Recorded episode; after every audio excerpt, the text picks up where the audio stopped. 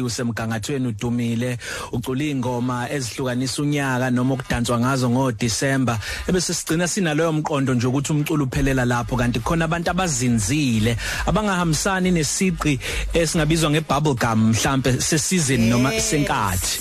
abantu abawaziyo um, umculo ekujuleni kwawo noma ngathi emkantsheni kwawo. Namhlanje ke sinaleyo ntokozo namhlanje yokuthi sihlale nomunye wabo labo baculi nababhali nabantu abajiyile. Emculweni.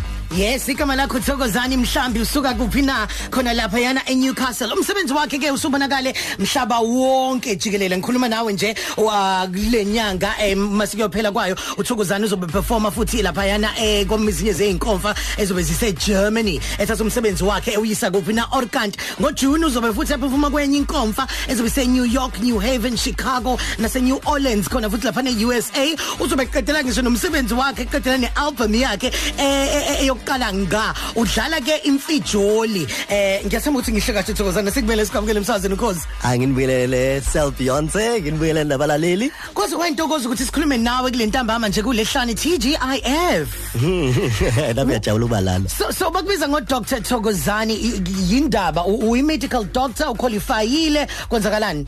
Eh yazi abaye babe disappointed. Mhlambe kuthiwa ngizoba se kwibhanoyi bese kuthiwa kufuneka uludokotela uzodedisa umama bathola ukuthi angiyena lo hlobo kadokotela Oh no. Okay.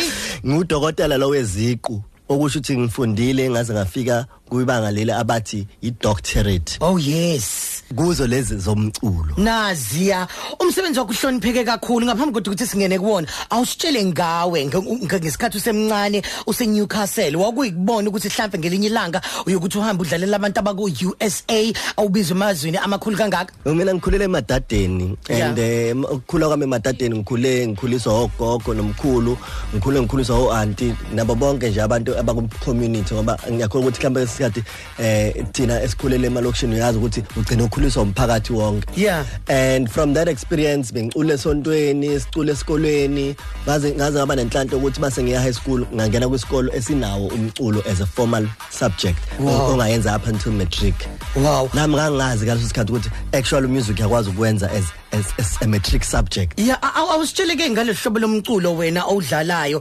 usitshele futhi ngale imfijoli yindaba ukuthi ukhetha ukudlala imfijoli ziningi kangaka. Ah, iz- izinto amanye ama instruments obonga ongadlala amene ungadlala isiginci amene ungadlala ipiano. Why imfijoli why yona yona?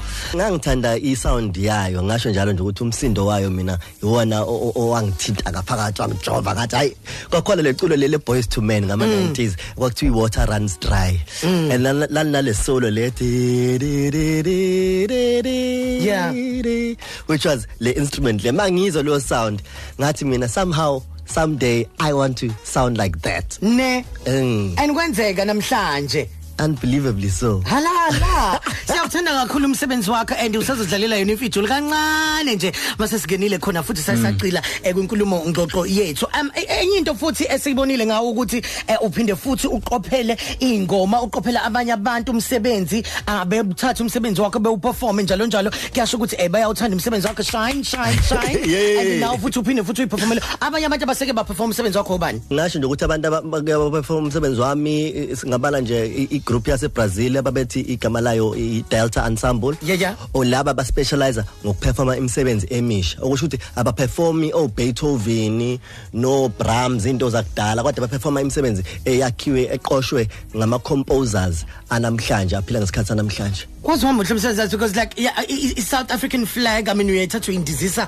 khona le phezulu I mean um, uke waphinde futhi waba i guest lecturer khona lapha na University of Maranhão eBrazil ngisho kahle em ma- mathi bona Marinao Maranhão Ah. all right and then lapha ne Finland University of Jyväskylä. Jyväskylä Yeah. bekunjani kanjalo usu- usungena eh, eh, khona ah, ku lecture hall eh, usuqala ke i- i- ilo is- isifundo sangosuku be- be- be- bekuthini kuwena nabafundi bebe- bakulokhuza bakwamukele kanjani Eh ngicabanga ukuthi you know i- umculo umsebenzi wethu kuvamisile ukuthi thina siubukele phansi singama abantu bala eMzansi. Kodwa phesheya uthola ukuthi abantu bayawamukela ngendlela emangalisayo ikakhulukazi mawuzocula izinto ezihlanganisa nesintu phakathi.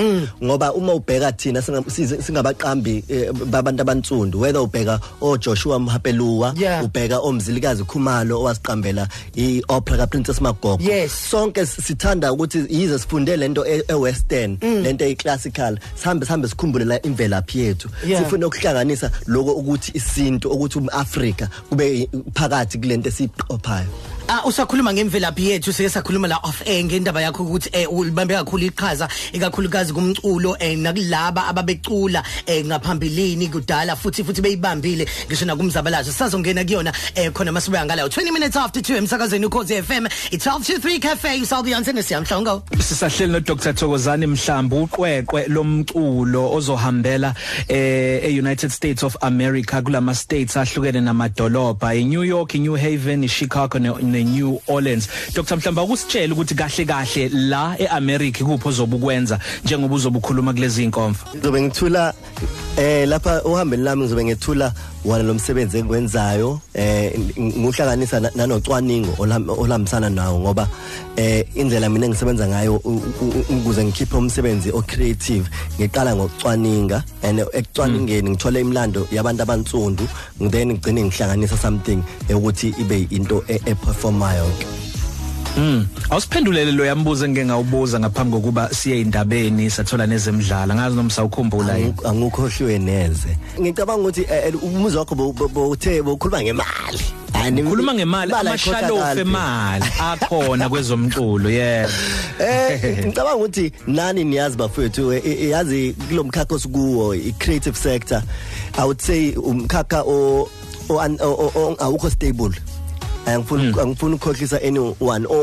Ngisho nomuntu omncane manje othi ufisa ukungena kulomkhakha mina ngathi ay uzodinga ukubekezela ngoba ayikho into stable awunayo umuntu awunayo i-retirement pa- plan awunayo i-medical aid izinto kumele uzenzele wena. And uh, uzenza ngokuthi as uloku usebenza ukukhulu ukukhulu ukukhula and then bese wenza sure ukuthi imali yakho awuyispendi noma ikanjani ngoba siyazi Yeah. ukuthi ama artists kunokwenza ukuthi umuntu useyagula eh ubedumile impela edumile kodwa uzokuthiwa eh akazange akwazi nokuya esibhedlela ngoba bengenayo medical aid. Into kanjalo yabona Eli ngeke ngakubuza ngendaba ye- yeqhaza olibambile lapha na kwi early African intellect intellectuals ah, lapho khona eh ah, ah, nizama ukufundisa umphakathi la futhi ugcile kakhulu kubantu ah, ababebambe kakhulu ezemzabalazo eh futhi eh ne- nekwezomculo. Yeah lapho si- sizo sizo eh, qwashisa abantu eh, bomphakathi ngam- ngam- ngenqalabutho zethu eh, ezaqala izinto eh, njengezikolo njengo John Dube nje no Nokthela Dube abakwazi ukuthi baqale ohlange institute kodwa benzanga lokho kuphela bakwazi ukuthi futhi at the same time ba- ba- babe abaqambi beingoma Alright. Ingoma i- i- incwadi nje ka- i- yabo babhala kuzo ingoma bayabhala ukuthi ban- banesifiso sokuthi abantu bakubo ba- baqambe Yeah. and futhi ba- ba- ba- ba- baqamise nokugagu babo Yeah. So lo nyaka uzoba umatasakatasa kakhulu for wena. I mean kade ngishilo eqaleni ukuthi pheleni ka May kuyahamba uyalapha yana e e- Germany awu ye USA ngo June ukuqala eh winanga ngapha uzama ukuqeda ialbum yakho uzoyikhipha futhi ngo July. Awushile kabanzi ngayo. yeah well i-album yami u- ihlanganisa u- u- i- le- lolu hambo sengibene nalo eh, njengomuntu o- o- oqale ngisuke ematadeni eh ngaf- ngafunda umculo weclassical ngase ng- ng- ngibane ngibane ngibane ne-interest la kwesintu ngabuka isintu. And so e- e- e- ekutholeni kwami i- um- ekutholeni kwami isintu nje eh, hayi nje esomuntu omnyama kuphela wase-Africa kodwa isintu nje esawo wonke umuntu em- emhlabeni ngoba nabamhlophe banesintu sabo nab- nab- nab- nabase nabaseNdiya nabo nabase Americas na yonke indawo.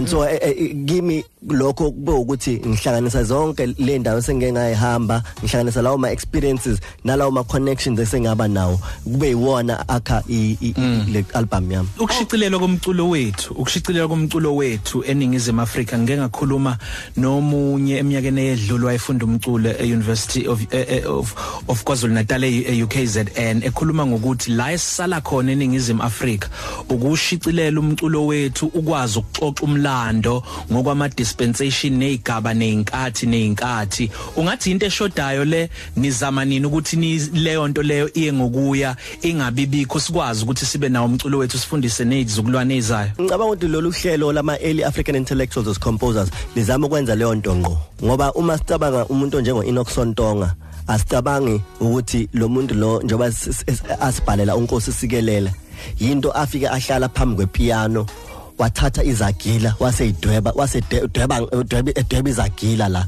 ephepheni lakhe e, e, mm. engamanzi enze lento ngesingisi abathi iscore hayi ukuthi into nje eyavele yasukela ekhanda kodwa into that was e, eyaqena ukuqamba futhi ukuqamba okunenhloso ukuthi la ngifuna ukuqamba ingoma ethile ngifuna abantu bayicabange ngayo kanje ivuselele isizwe kanje and and ngalo ndlela akwazi then ukuthala ukuhlanganisa amagama ahlanganisa amagama nama harmonies lento bathi ama harmonies harmonies ngesingisi eh okuyiyona ukuthi amagama amazwi ahlangana kanjani ukuze kuphume lento ayifunayo.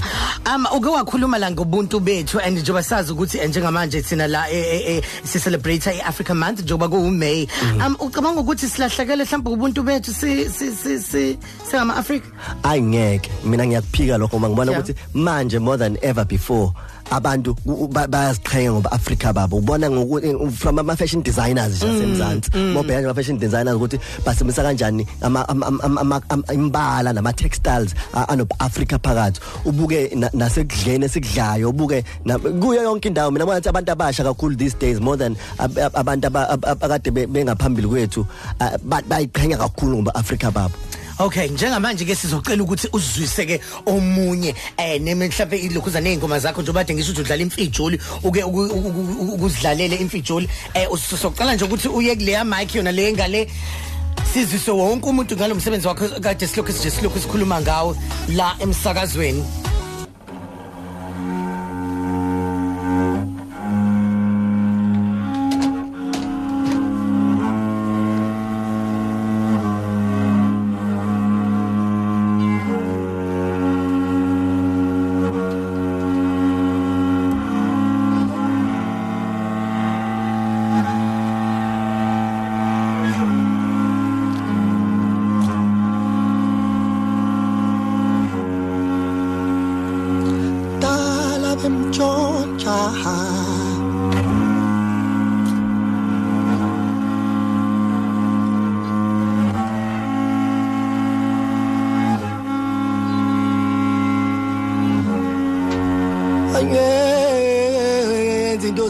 Zami angiyekele ngenzinto zami.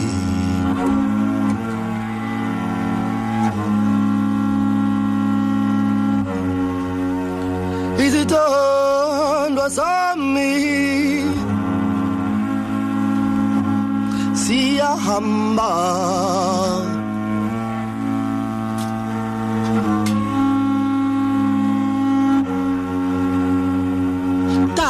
Bemtshontsha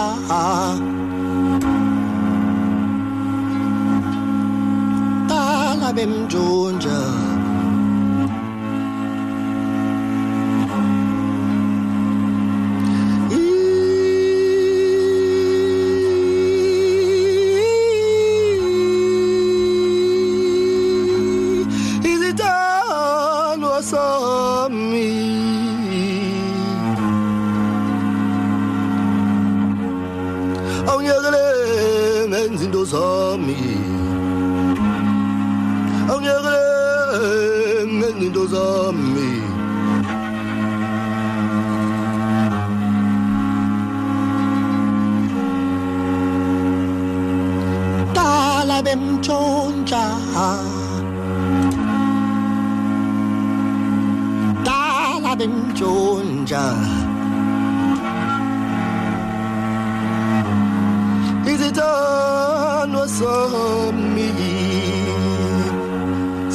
siyahamba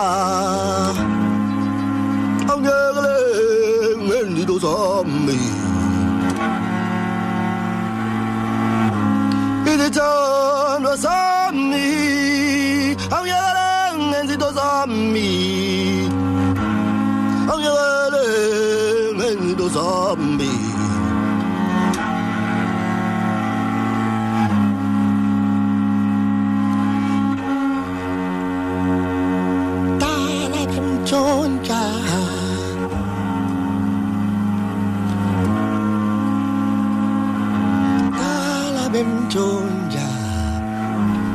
I-album yakhe izokhishwa khona la eningizimu afrika ngojuly ngisho nase-europe. Sikhuluma nobani na uthokozani mhlambi? Uyena besikhuluma naye khona la emsakazweni ukhozi fm 10 minutes to 3 12 kuya ku3 noSiyano Selbionze ku Khosi FM